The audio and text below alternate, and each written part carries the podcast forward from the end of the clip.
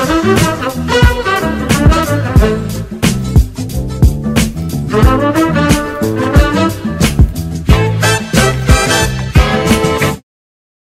datang di Lini Podcast, ngobrol lebih dekat tentang gaya hidup sehat. Di edisi spesial selama Ramadan ini, kita akan ngebahas tentang puasa dan manfaatnya untuk kesehatan.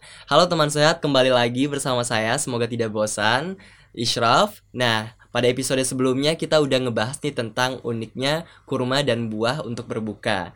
Di episode kali ini kita akan ngebahas terkait cara sehat makan malam selama Ramadan ini nih episode kali ini tentu saya nggak sendirian. Seperti biasa kita ditemani oleh narasumber kita yang spesial. Beliau merupakan guru besar Ilmu Gizi FEMA IPB University dan juga merupakan Ketua Pergizi Pangan Indonesia yaitu Prof Hardinsyah. Selamat datang Prof. Apa kabarnya Prof hari ini? Kabar baik, alhamdulillah. alhamdulillah. Gimana puasanya lancar? Alhamdulillah lancar. Ya, kasih.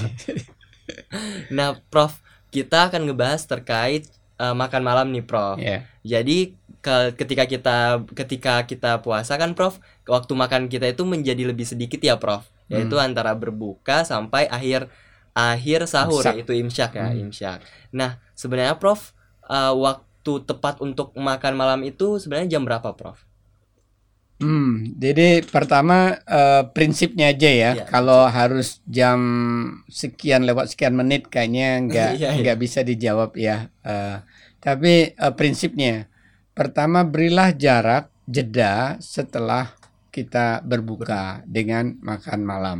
Jadi jangan sangat saya tidak anjurkan digabung antara berbuka dengan makan malam. Meskipun sebagian mahasiswa barangkali berpikir itu sangat efisien gitu ya. ya saya pernah gitu, Bro. Oh, iya. Jadi habis berbuka langsung ya, makan malam. Iya. Uh, jadi uh, mungkin ada kondisi tertentu barangkali kalau dalam perjalanan atau apa terpaksa ya karena uh, ya berbuka di situ juga makan situ juga tapi ya. itu bisa dijeda dengan waktu sholat kan berbuka sholat uh, sholatnya berarti sholat maghrib. maghrib kalau ditambah lagi sholat sunnah warawatib ya itu bisa 15-20 ya. menit ya tapi saya sarankan paling nggak dibedakan 30 menit lah mulai kan kita mulai berwudu mulai menuju tempat sholat sholat sunnah uh, sebelumnya tentunya nggak sholat sunnah ya karena maghrib ya maghrib sholat sunnah berdoa kemudian balik ke tempat makan ya jadi prinsipnya saya anjurkan beri jarak beri. saya anjurkan minimum setengah jam atau jam. 30 menit untuk apa pertama kan tadi kita lapar sekali sudah diberi dengan berbuka pasti gula darah kita sudah mulai dipulihkan, iya. stamina kita juga mulai di, dipulihkan dalam beberapa menit setelah berbuka. Air minum juga sudah masuk untuk pencernaan terhadap. Jadi supaya tidak mendadak dia tambah naik hmm. lagi gula darahnya dan tadinya kan ini kosong. Kosong. Dia relatif uh, sampai jam 12 siang barangkali menggunakan yang tadi sahur. Setelah itu kan dia sudah ringan kerjanya. Jadi jangan suddenly atau mendadak dipaksa kerja keras.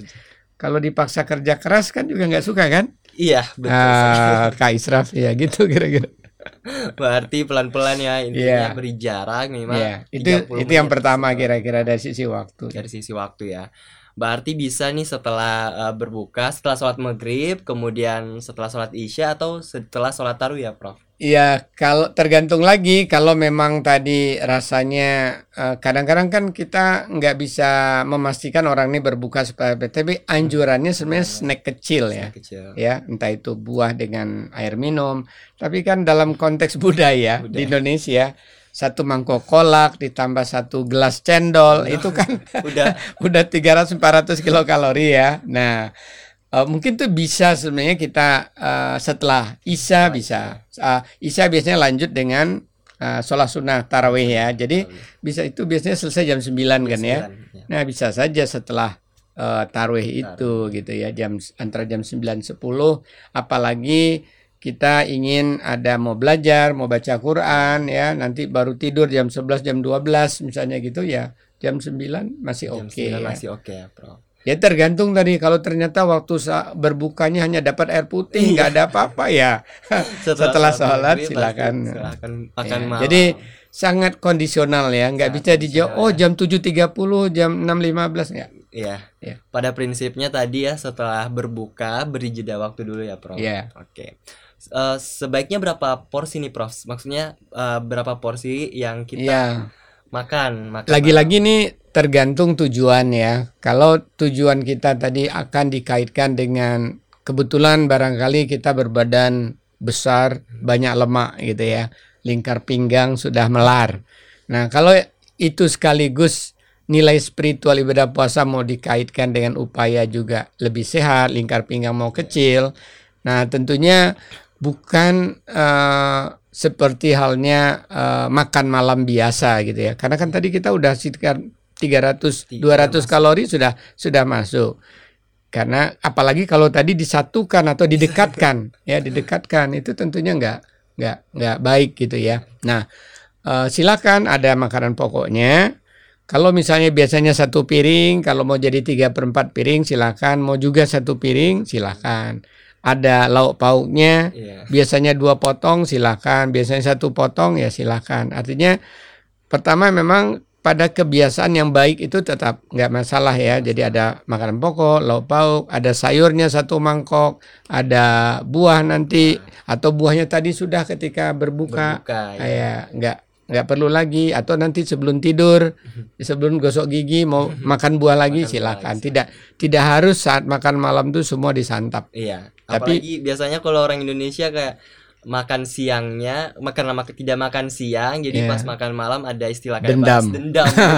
Iya. jadi udah di ya makan habis-habisan. ya sebaiknya sih kan salah satu tujuan puasa mengendalikan emosi ya emosi. jadi kalau orang makannya dendam di bulan puasa berarti emosinya belum terkendali ya Emosinya belum terkendali. Jadi eh, disesuaikan ya, Prof. ya Kemudian Prof untuk kelompok pangannya sendiri Prof, kalau misalnya makan malam di bulan Ramadan ini, Hmm. apakah ada perbedaan misalnya eh, yang perlu ditambahkan yaitu karbohidratnya, apakah lauk pauk ataukah yang perlu lebih ditingkatkan lagi yaitu cairan atau air minumnya Prof?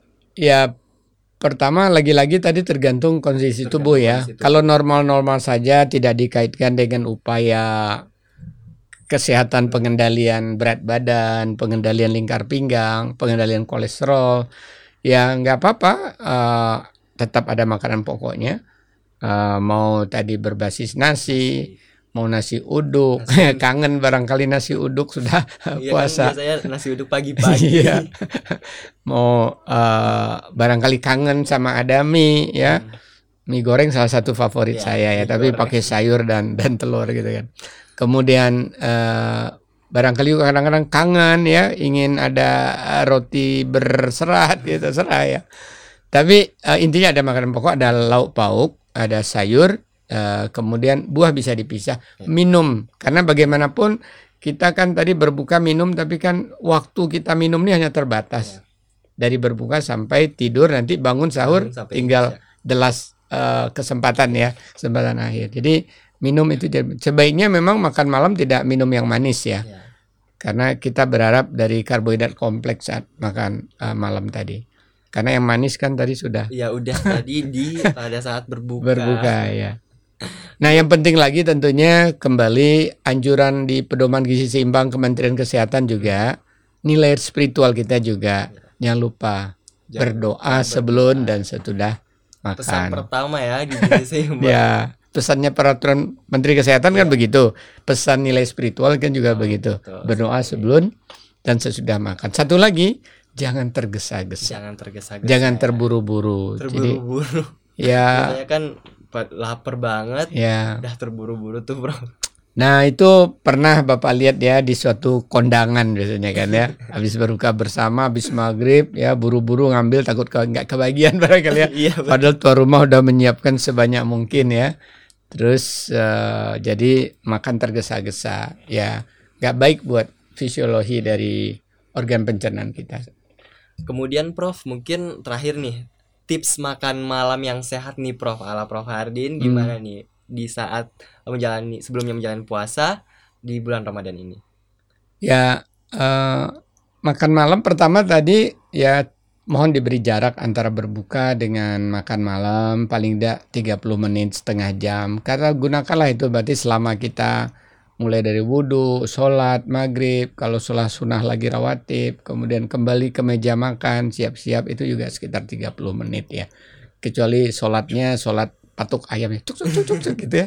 Lima menit selesai. Jadi sebaiknya juga sholatnya kan bukan tergesa-gesa. Sehingga yang kedua makan juga jangan tergesa-gesa begitu.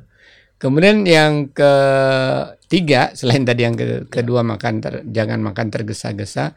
Tujuan dari makan malam tadi coba diintrospeksi diri apakah mau disambil dengan hikmah kesehatan di samping nilai spiritual puasa Ramadan? Kalau iya, apakah saya ingin supaya gula darah saya yang cenderung tinggi, kolesterol saya yang cenderung tinggi, tekanan darah saya yang cenderung tinggi sebelum puasa ini saya ingin kendalikan hmm. ya ketika bulan Ramadan berarti batasi gula, gula batasi garam, garam lemak, lemak, makanan-makanan yang goreng-gorengan, yang berminyak, ya yang terlalu manis, yang manis tadi sudah diberbuka cukup dengan buah-buahan yang manis. Ya, jadi itu penting. Enggak semua orang, ada orang kurus, dia puasa ingin gemuk, lain lagi caranya. Oh iya. Ya.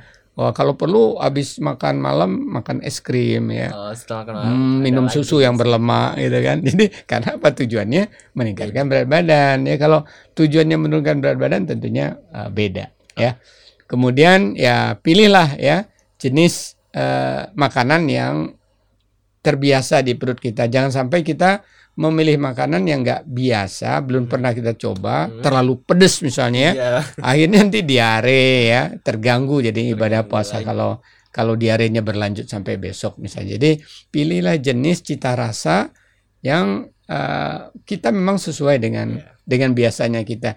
Jangan mentang-mentang, wah ini lagi ada khusus ya level pedes 12 atau 15 iya. Eh, karena diundang di suatu restoran yang menyediakan level level-level atau cemilan-cemilan camilan-camilan begitu ya. Jadi satu lagi cara sederhana mengontrol tidak berlebih berhentilah sebelum kenyang. Ya, ya berhenti sebelum kenyang. Berhenti sebelum kenyang. Ya, biar berkah berdoalah sebelum dan sudah makan. Iya, betul ya, sekali. Kira-kira begitu. Berhenti sebelum kenyang karena kan biasanya kalau udah kenyang habis sholat maghrib kalau sholat isya dan tarawih biasanya agak susah gitu. Jadi ngantukan jadinya ya. Lebih ngantuk juga benar, Prof. Eh. Oh iya, Prof. Uh, misalnya ada orang yang menerapkan diet khusus, misalnya diet rendah kalori ataupun diet vegetarian, tapi dia ikut berpuasa. Nah, makan malamnya tetap menerapkan diet seperti yang sebelumnya, Prof. Sebelum ber, sebelum yeah. puasa itu gimana dampaknya untuk kesehatan, Prof? Ya kalau dia lagi sedang berdiet dan dietnya tadi memang sudah dikonsultasikan. Yeah. Kalau vegetarian itu kan bukan vegan ya. Iya. Yeah. Ya berarti masih. artinya di samping dari sayur, buah, pangan nabati dia juga masih memungkinkan iya. pangan yeah. hewani. Silakan saja lagi-lagi jangan berlebihan jangan kan itu. Ya. Pangan bengsun vegetarian tapi kalau berlebihan juga bisa menyebabkan gemuk yeah. juga ya.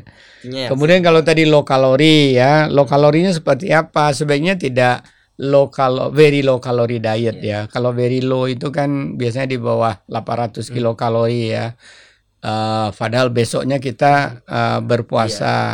khawatir nanti ada something ini pingsan dan lain sebagainya. Yeah. Jadi kalau hanya low dalam arti setara dengan kebutuhan minimal kita energi basal 1500 nggak masalah karena kan kita juga ketika berpuasa juga uh, aktif kalau aktivitas kita ya. nggak berat ya uh, akan menggunakan kita yakin cadangan kita ada ya nanti akan terkuras dari cadangan sehingga diet mengendalikan lemak tubuh tadi masih karena puasa juga udah termasuk diet untuk menurunkan berat badan ya Prof yeah. bagi yang uh, teman sehat yang yeah. diet rendah kalori puasa juga bisa termasuk uh, menurunkan berat badan ya. Iya, tapi bukan sangat rendah kalori ya. Iya, bukan sangat rendah kalori. Dan make sure bahwa punya cadangan memang yang harus dikurangi. Ya, jangan yang orang kurus tapi rendah yeah, kalori itu yeah. berbahaya sih. Yeah. Oke, Prof. Terima kasih banyak nih Prof atas bincang-bincangnya terkait cara sehat makan malam saat yeah. di bulan Ramadan. Banyak sekali ya teman sehat yang bisa kita ambil. Pada intinya sih sebenarnya yang seimbang ya Prof. Yang seimbang tidak berlebihan, kemudian berhentilah sebelum kenyang, namun disesuaikan juga nih misalnya berbukanya um, misalnya yang manis-manis. Nah, misalnya setelah itu ja, bisa dihindari ya, Prof, yang iya. manis-manis yeah. lagi gitu. Oke, teman sehat, tidak terasa uh, kita udah ngobrol bareng nih dengan Prof Hardin. Terima kasih banyak Prof atas bincang-bincang kali ini. Banyak sekali ya manfaat yang bisa kita dapatkan utamanya terkait topik cara sehat makan malam selama bulan Ramadan. Bagi teman sehat, terima kasih juga udah mengikuti Lini Podcast. Jangan lupa ikutin terus Lini Podcast yang akan tayang setiap hari selama bulan Ramadan. Nah, selain bisa diakses melalui channel YouTube Lini Sehat, teman sehat juga bisa akses atau nikmati di Spotify Lini Sehat. Jangan lupa juga nih untuk terapkan protokol kesehatan di mana pun teman sehat berada. Nah, sampai jumpa di Lini Podcast selanjutnya dengan topik puasa mungkinkah dehidrasi? Ini penjelasannya. Oke, terima kasih. Sampai jumpa.